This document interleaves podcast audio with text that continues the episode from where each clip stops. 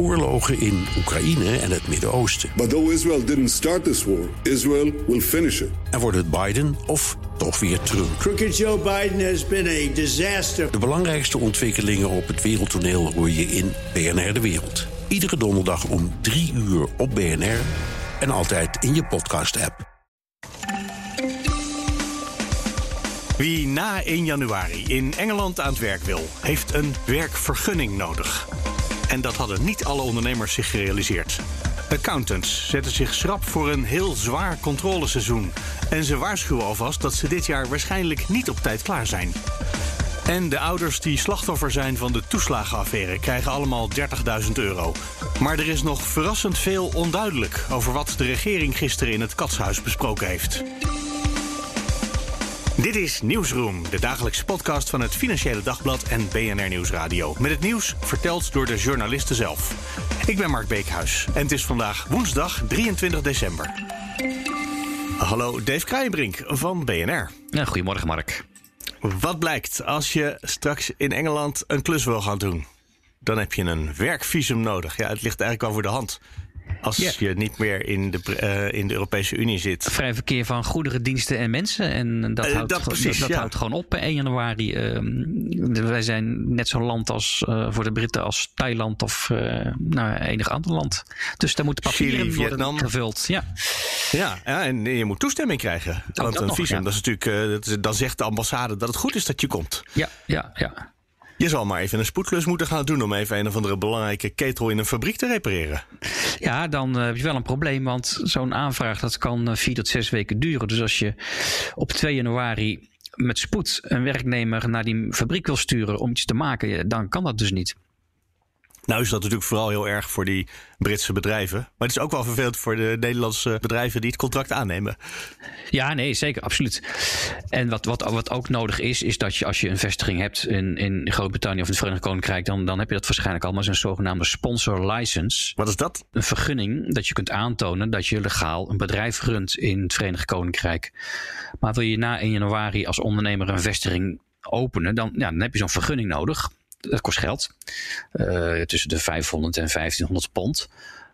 Dan vervolgens moet je ook voor iedere werknemer die je daar wil stationeren ook nog eens een, een vergunning aanvragen. En een, en een werkvisum. Dus het is een hele papiermolen en, eh, die, eh, die in gang wordt gezet straks.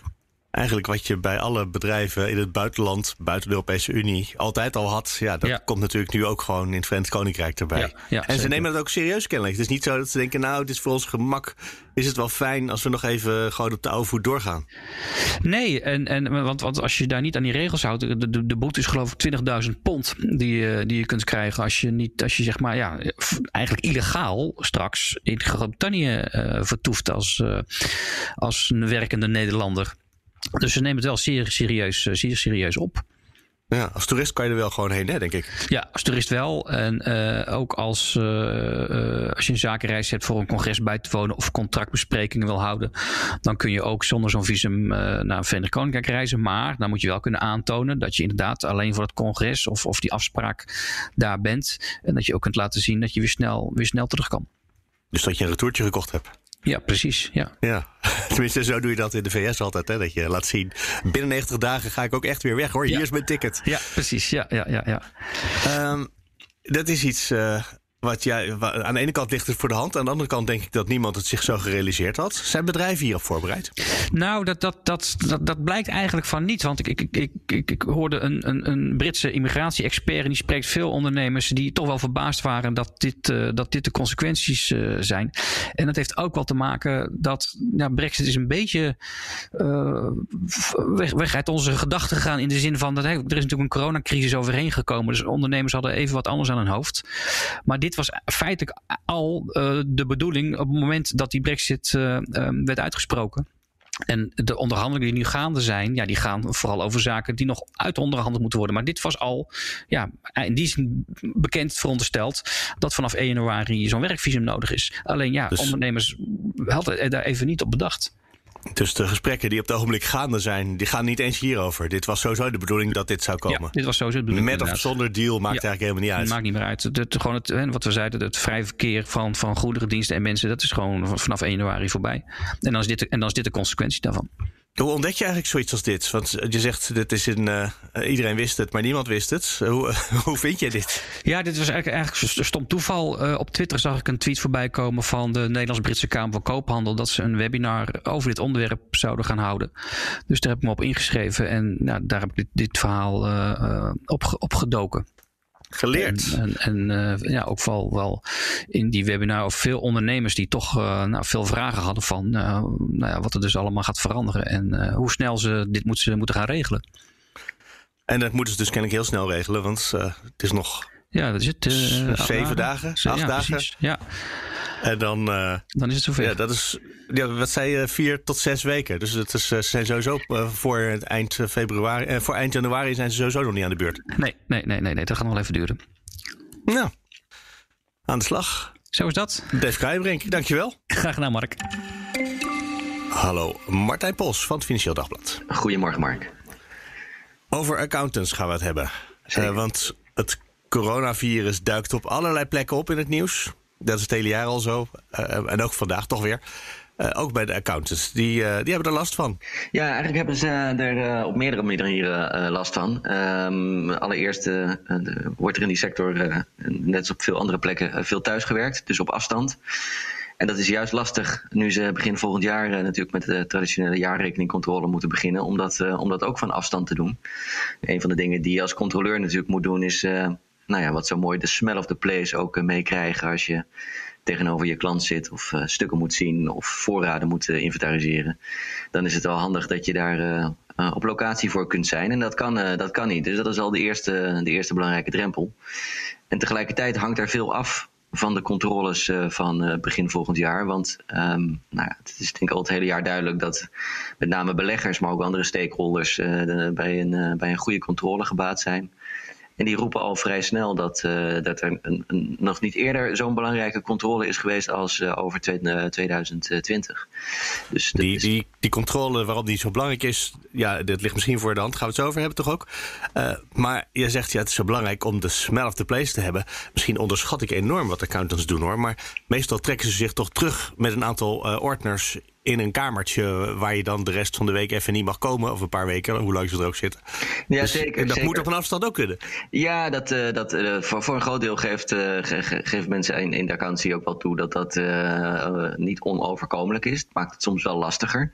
Maar je kunt je ook voorstellen dat als het echt spannend wordt, dat je dan toch liever tegenover elkaar zit. Uh, en, en, en, om te zien hoe mensen reageren op vragen of, of, de stukken ook daadwerkelijk te kunnen zien in plaats van dat je dat eh, per e-mail uh, krijgt. Het zit hem in dat soort hele basale, maar toch wel belangrijke zaken. Bijvoorbeeld als je op mogelijke signalen van fraude stuit ja, dan zal je toch, uh, toch eerder, als je op, uh, op locatie bent, dingen sneller kunnen verifiëren of een beter gevoel bij kunnen krijgen dan, uh, dan op afstand. Ja, dat um, dus dat, dat, zijn, dat zijn van die voorbeelden die je bijvoorbeeld ook in, in de hoek van de toezichthouders. We hadden laatst in het Financieel Dagblad een interview met mevrouw Bos, de hoogste toezichthouder van, van de Nederlandse Bank.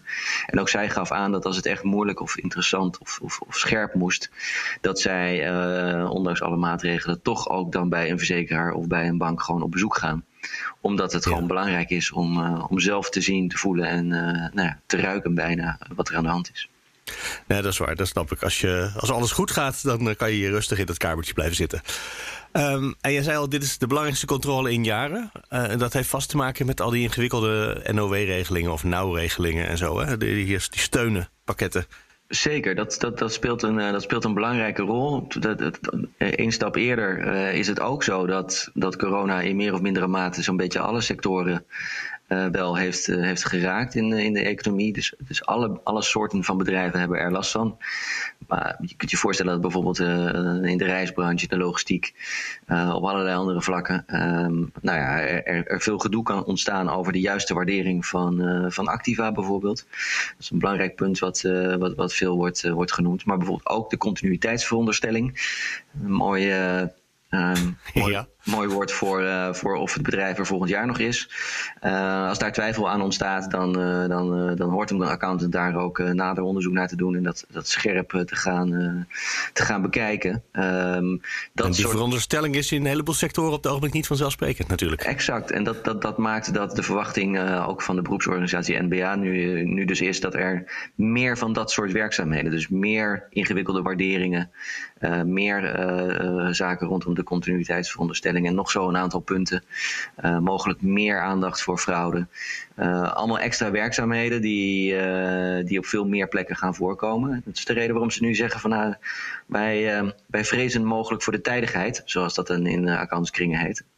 wat ik maar verteld heb naar dat ze waarschuwen dat het mogelijk wat later klaar kan zijn. Ja, uh, ja, de tijdigheid is natuurlijk, uh, dat gaat over, uh, over informatie. Hè? Dat je de informatie, dat die niet alleen klopt, maar dat je hem ook hebt op het moment dat je hem nodig hebt. Precies, precies. En dus het is ook, tijdigheid betekent ook echt te laat. Ja, ja, nou, te laat is dan in zoverre natuurlijk weer de vraag: wat gebeurt er als je een week later of twee weken later dan eerder gepland met een goedgekeurde jaarrekening naar buiten komt? Dat is niet het allerergste, behalve dat die data in principe nu al wel vastgesteld gesteld zijn en je mogelijk ook al naar de markt hebt gecommuniceerd dat je op 15 februari of wat dan ook uh, komt met je cijfers. Uh, we zitten nu half december, dus je kunt op zich wel rustig aankondigen van uh, als het nodig is om meer tijd te nemen. je moet mensen alleen niet gaan verrassen. Kijk, de omgekeerde variant waarbij een week van tevoren in één keer uitstel komt, ja, daar raken mensen van in paniek. Dus ook dat heeft te maken met, het, met, met, met, de, met de tijdigheid van deze waarschuwing, zou ik bijna zeggen. Ze zijn ja, ze zijn in, alle andere jaren, in alle andere jaren is natuurlijk zo'n waarschuwing. Uh, onze accountants hebben wat meer tijd nodig. Echt een serieus signaal. Ja. Uh, dit jaar kan het ook gewoon betekenen, ja, we zijn gewoon zo'n sector waarbij wat extra onderzoek nodig is. Verder gaat het goed met ons hoor. Ja, precies, precies. Ja, nee, dat is. Uh, ik denk dat het ook wel gewoon ook past bij, bij, bij de huidige tijd. dat je daar nu al generiek voor waarschuwt maakt het minder opmerkelijk als het inderdaad nodig uh, zal blijken. Uh, toch, het geeft wel aan hoe druk de accountant is. Uh, ook met die nauwregelingen die, die, die je net al noemde. Ook dat geeft naar verluid extra veel werk. met name bij bestaande klanten. En als je er een markt in ziet, misschien ook bij veel nieuwe klanten. Ze moeten gaan toetsen of er terecht aanspraak is gemaakt door bedrijven die meer dan 25.000 euro aan, aan, aan, steun hebben ontvangen. Ja. dat vergt ook het nodige controlewerk. Um, dus het is, het is niet gek dat het, uh, dat het heel druk is en dat er daarom nu al vroeg uh, wordt gezegd van nou, het kan wel eens wat later klaar zijn. Accountants uh, hebben de naam veel te verdienen, maar ze hebben ook lange werkweken deze tijd. Ja, de, de periode van het busy season, zoals dat zo mooi heet, het drukke seizoen, staat weer op uitbreken. En we hebben twee weken geleden nog een uitgebreide enquête onder accountants onder de 35 in de krant gehad. En die, die claimen toch 60 uur per week te maken voor, voor de komende maanden. ja, dat zijn, dat zijn al drukke periodes, dus dat wordt alleen maar drukker. ook om die reden kan je je voorstellen dat het goed is om misschien wat meer tijd te nemen. 60. Als we dat op vijf dagen doen, dat is 12 uur per dag. Ja, ja, ja. En dan ja. in uh, 1 april worden ze weer wakker voor het sociale leven. Nou, dat, uh, dat uh, zeker. en, en meer dan de helft geeft ook aan dat ze met de benefit of hindsight misschien een ander vak hadden willen kiezen. En, en meer dan 80% geeft aan dat het een wissel trekt op hun privéleven, voor zover ze dat al, al hebben en kunnen onderhouden. Dus nee, het, zijn, het geeft al wel aan. Het, is, het zijn altijd drukke periodes. Um, um, dat maakt het uh, nou ja, des te complexer de komende maanden, omdat het zo'n belangrijk jaar is. Waren accountants eigenlijk uh, enthousiast om jou te vertellen dat ze dit jaar te traag zijn of te laat zijn? nou ja, traag in elk geval. Nou, ik was hier al wel anderhalve weken her en der over aan het rondbellen met de vraag van kan dit ook gaan gebeuren? Dan, dan krijg je toch wel vaak het antwoord van het wordt moeilijker, het wordt lastiger, maar uh, we gaan het denk ik wel op tijd redden. Uh, het is nu de beroepsorganisatie die namens de hele sector toch zegt dat het, uh, dat het mogelijk later wordt. Um, ja, ik denk dat er een soort, soort geloof in, in, in de sector zit om, om het probleem wel te fixen. Um, maar dat ze daar te optimistisch in zijn geweest. Of ik spreek de verkeerde mensen. Dat sluit ik ook niet uit. nou, het is natuurlijk ook heel moeilijk om voor je zelfs maar begonnen bent te vertellen... ja, dit jaar gaan we de planning niet halen hoor. Nou ja, ik ben zelf ook uh, niet zo van de planning. Dus als je op voorhand al zegt dat je de planning niet gaat halen... dan is de kans een stuk groter dat je hem ook niet gaat halen. Ja, precies. Uh, dus dat, uh, dat zal ongetwijfeld ook, ook, ook meespelen. De, de, beroepsorganisatie geeft ook nog wel een ander belangrijk argument aan... is dat bedrijven zelf ook nog wel moeite zullen kunnen hebben... om met name als je internationaal actief bent... om alle informatie tijdig ook bij elkaar te krijgen... Uh, ook, ook, ook, ook, bedrijven zelf hebben moeite om, om, om her en der de belangrijke stukken en berekeningen op een rij te krijgen. en dat maakt dat als jij als controleur toch aan, uiteindelijk het soort sluitstuk bent van een, van een heel proces, dat je dan ook je vertraging van de onderneming daarin mee moet nemen. Uh, dan nog is het denk ik uh, heel gezond dat er nu uh, expliciet wordt gezegd dat zorgvuldigheid boven tijdsdruk moet gaan. En eigenlijk het advies is neem meer tijd als het, als het ook daadwerkelijk nodig blijkt te zijn. Partij Pols, dankjewel. Graag gedaan Mark. Hallo, Thomas van Groningen van BNR. Hi Mark, goedemorgen. Gisteren spraken we elkaar al over de kindertoeslagenaffaire. Uh, daar was een hele middag, nou, urenlang zat de regering daarover bij elkaar in het katshuis. De, en er is, ook, er is ook wel echt iets gebeurd. Hè? Iedereen krijgt 30.000 euro, hebben we gistermiddag gehoord. Ja. Maar ik dacht eigenlijk dat ze ook gingen praten over uh, de, de, de, politieke verantwoordelijkheid voor het schenden van de rechtsstaat. Uh, voor het achterhouden van informatie voor de Kamer, voor de media in WOP en voor burgers in WOP-procedures. Heb, heb je ze daar eigenlijk nog over gehoord? Daar hebben we eigenlijk helemaal niks meer over gehoord. Um, ongetwijfeld is er wel over gesproken daarbinnen. Maar eh, naar buiten toe um, is nu in ieder geval deelt dat ze als eerste hebben gekeken... is hoe lossen we dit nu op voor die slachtoffers van die toeslagenaffaire? Hoe zorgen we ervoor dat zij zo snel mogelijk compensatie krijgen? Dat probleem gaan we eerst tackelen. En daarna praten we verder over de politieke consequenties. 3 januari trouwens, dan is het eerstvolgende uh, overleg op het katshuis. En ik kijk even naar de kalender. Dat is op een zondagmiddag weer. Um, en dan uh, komt het kabinet nog een keer bij elkaar daar om te praten. En dan zal het ongetwijfeld gaan over die politieke verantwoordelijkheid. Want er komt hoe dan ook een debat in januari in de Tweede Kamer over dit onderwerp. Ja, daar moeten ze natuurlijk wel beslagen ten ijs komen. Dus daar zullen ze echt een antwoord moeten formuleren hoe ze hier politiek de verantwoordelijkheid voor nemen. Maar nu in ieder geval hebben we gisteravond het nieuws gehoord dat er uh, versneld een proces in gang is gezet om, uh, ja, om die mensen die slachtoffer zijn geworden in deze kwestie, om die geld te geven. Precies, een begin van de hersteloperatie. Want er moeten natuurlijk ook nog allerlei vinkjes achter hun naam weggehaald worden. Dat ze toch helemaal geen fraudeur waren. Zoals al die tijd uit de administratie wel gebleken was. Dus dat, soort, dat stuk van de operatie zal ook wel doorgaan. Zeker, zeker. En wat ik aardig vind, ik heb even de brief van eh, mevrouw Van Huffelen, de staatssecretaris, die echt gehaald is hè, om dit probleem op te lossen. En wat zij zegt is, nu staat voorop dat het geld snel bij ouders terecht moet komen. Uh, het kabinet wil een begin van herstel van vertrouwen in de overheid opbouwen. Uh, het kabinet wil ondubbelzinnig laten weten dat dit onacceptabel is en dat slachtoffers van overheidsfalen genoegdoening krijgen. Uh, dat zijn best wel grote, grote woorden. Dus ze hebben daar ja. echt wel uh, een paar knopen doorgehakt. En dat, dat, dat, staat wel haaks op wat het kabinet eerder nog zei natuurlijk. Hè. Van Huffelen zei vorige week nog uh, tegen journalisten... nee, stap voor stap, ieder dossier gaat open. Gaan we bekijken waar hebben mensen recht op. Uh, we moeten dit zorgvuldig doen. Um, anders lopen we te veel risico. En blijkbaar uh, zegt het kabinet nu ook... Um, deze risico's nemen we bewust. Dat staat in die brief. Um, en, en dus, dus wordt er gewoon een bedrag uitgekeerd naar die duizenden mensen die mogelijk het slachtoffer zijn geworden van deze toeslagenaffaire. Ja, er was natuurlijk ook uh, vorige week, was het vorige week? Ja, ik denk het ook een uh, debat in de Kamer hierover. Hè, weer over de voortgang. En een van de klachten van de Kamerleden, nou, er waren er best wel veel eigenlijk. Uh, was dat er, ja, we praten over de voortgang, maar er is helemaal geen voortgang in de uitbetaling. We hebben het over misschien 500 mensen die we dan dit jaar gaan halen, in plaats van de beloofde 5000. Ja. ja, met dat rapport wat erbij kwam van de commissie van Dam, eh, kan ik me voorstellen dat ze zich ook wel gedwongen voelden om iets te verzinnen om dan maar snelheid te forceren. Ja, en moet niet vergeten, ik zat even op te zoeken wanneer is Van Huffelen nou begonnen aan deze operatie. Uh, dat is al bijna een jaar. Ja. dus het is niet zo dat, het even, dat, ze, dat, dat we na een paar maanden al zeggen, nou, het duurt wel lang. Nee, al bijna een jaar zijn ze bezig met, uh, met dat herstelproces, zoals ze het noemen. En, en Van Huffel blijft maar zeggen, de wetgeving is complex. Um, er zit een groot verschil in de schadegevallen. Het is moeilijk om een crisisteam voor elkaar te krijgen binnen die stroperigheid van uh, de Belastingdienst, de administratie. Het is moeilijk om terug te zoeken wat mensen nou precies betaald hebben, wat er precies gebeurd is. Um, dat heeft ze bijna een jaar lang gezegd. En ja, nu is dan toch eigenlijk uh, ja, de, snelkookpan. Uh, is daarin is de druk zo erg opgebouwd dat nu dan maar gezegd wordt: Nou, dan gaan we gewoon gaan uitbetalen. Want dit duurt, dit kan niet langer, dit duurt te lang.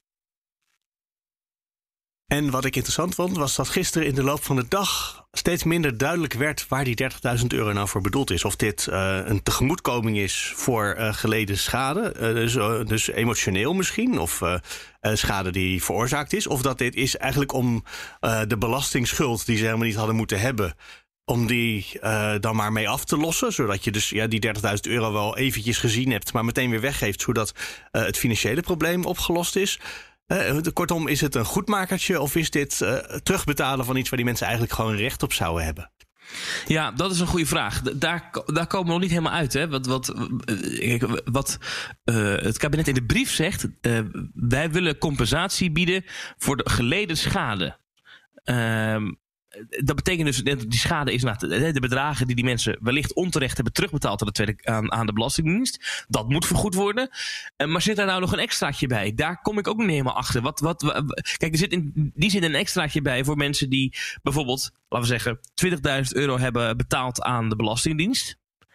Uh, in de loop der jaren terugbetaald aan, on, uh, aan. Ja, die gevorderd werden. Ja, die gevorderd is. Die zouden dan nu 30.000 krijgen. Die hoeven die 10.000 euro verschil niet terug te betalen. Dus die mensen krijgen nee, een extra. Die gaan erop vooruit misschien. Een die beetje. gaan erop vooruit. Maar er zijn dus ook mensen die bijvoorbeeld uh, 50, 60, 70. We hebben zelfs verhalen gehoord van 90.000 euro hebben terugbetaald. Omdat hun huis bijvoorbeeld, hun hypotheekwoning is afgepakt en verkocht door de Belastingdienst. Die situaties zijn er. Nou, die mensen krijgen dan nu 30.000 euro.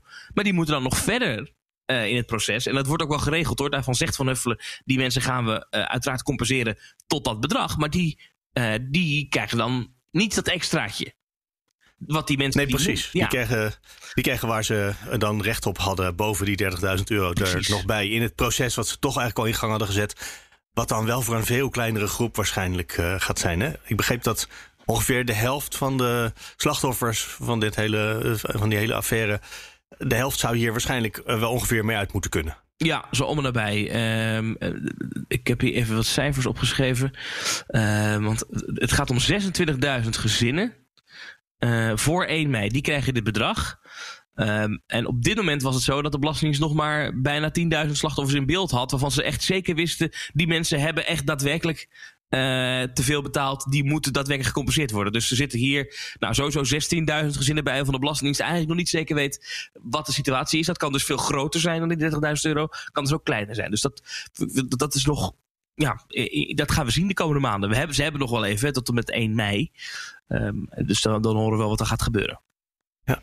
ja, gisteren hadden we het nog over het scenario, misschien treden ze wel af. Uh, dat is niet gebeurd. Maar dat kan nog altijd. Ja, dat kan nog, natuurlijk kan ja, het nog. Ja, kijk, ze kiezen natuurlijk wel duidelijk voor een soort van beeld. Hè. Wat is nu het meest prangende? Die slachtoffers. Dus dat moeten we nu, nu regelen. Nou, dat hebben ze dan nu in, in theorie geregeld. Daar is overigens ook nog wel veel kritiek op. Want het is een mooi gebaar, 30.000 euro. Maar uh, waarom moet het vier maanden duren om het uit te betalen? Dat is, ik weet niet of je als internet bankiert hebt, maar ik kan dat toch echt sneller. Um, en dus dus daar, is, daar, is, daar is ook nog wel veel kritiek op. En dan stap twee is pas die politieke consequenties. En ja, het lijkt er toch op dat ze gewoon uh, de kaak op elkaar houden. En wachten op dat debat. Wat trouwens politiek nog best wel een risico met zich meebrengt. Want als je uh, ja, in zo'n debat valt na een motie van wantrouwen van Lilian Marijnissen van de SP, want die gaat erin in naar alle verwachting. Ja, dan, uh, dan geef je haar wel heel veel wind in de zeilen. Dus misschien dat het 3 januari, dan, dan komen ze bij elkaar in het katshuis. Wellicht dat daar dan uh, toch dit besluit genomen wordt. Of ja, niet. Het kan ook zijn dat het besluit al genomen is, maar dat wij het nog niet weten. We hebben natuurlijk gisteren de premier niet gezien. Nee. Uh, na afloop mocht mevrouw Van Huffelen, staatssecretaris, die mocht het woord voeren met het goede nieuws voor die ouders. Er was wel inderdaad veel commentaar op hoor, dat alleen Van Huffelen naar buiten kwam. Ja, terwijl je weet dat het hele kabinet erachter zit te vergaderen. Of in ieder geval uh, belangrijke kopstukken uit het kabinet. Dat voelt toch ook een beetje gek. eh, bij veel journalisten. Maar goed, we, dit, we, gaan nu heel erg in, we komen heel erg in speculatieland terecht, ja. Mark. Want Laten we dat niet te veel doen. We weten echt absoluut niet. Kijk, premier Rutte is een, een politiek overlever. Uh, En heel veel dingen glijden van hem af. En wellicht dat hij denkt dat dit ook gewoon uh, een dossier kan zijn waar hij uh, na een, een, een ruim gebaar als 30.000 euro en een uitgebreide mea culpa straks in de Tweede Kamer, dat hij daarmee gewoon volle vaart de verkiezingen in kan. En ik zal nog eens even voor de grap de peilingwijzer van vandaag erbij pakken. De laatste cijfers. Uh, moet ik hem even op zetels zetten. En dan staat uh, ja, uh, de VVD hartstikke tussen, met een marge van tussen de 39 en 45 zetels. Ruim op winst met de huidige verhouding in de Tweede Kamer. Het zijn ouderwets grote fracties, 45 zetels. Precies. Ik weet niet of ze zoveel stoelen nog hebben in, in de fractiekamer. Nou ja, een paar jaar geleden was dat ook nog wel. Maar, maar dat, dat, snap je? Ik weet niet of, of men daar nog echt bezig is met aftreden. En dat men gewoon naar deze cijfers kijkt en denkt, nou, het is wel goed zo. Dankjewel voor nu, Thomas. We komen aan het einde. Je kan natuurlijk mailen naar nieuwsroom.bnr.nl of nieuwsroom.fd.nl. En vanmorgen kreeg ik een e-mail van Ronald. En soms mailen jullie met correcties of aanvullingen. En als ik die begrijp, dan neem ik ze graag mee in de podcast. En soms, zoals de mail van Ronald van vanmorgen, staat er een hele interessante vraag. Waar ik het antwoord totaal niet op heb. Dus ik ga eens kijken of ik hem kan doorsturen naar een collega. Het gaat in het geval van Ronald over groepsimmuniteit en de centrale registratie van vaccinaties. Waar ik wel wat op kan antwoorden is de laatste zinnen die je schrijft. Zou de pers de vragen die bij mij als burger opkomen ook niet moeten stellen? Het zal je verrassen, maar Journalisten zijn ook gewoon burgers. En die halen hun inspiratie ook gewoon bij vrienden en familie vandaan voor heel veel verhalen. Of dingen die ze per ongeluk tegenkomen. En ook een e-mail van een luisteraar of een lezer kan soms het begin zijn van een journalistiek verhaal. Dus blijf luisteren. Kijk wat er gebeurt. Misschien komen we erop terug in de komende week, komende weken. Dat was hem voor vandaag. Tot morgen.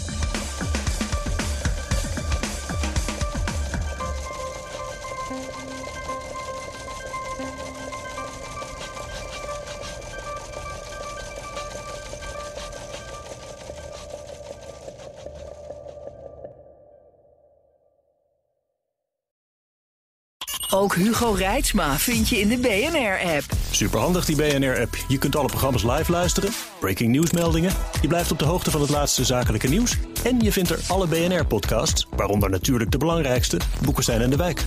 Download nu de gratis BNR-app en blijf scherp.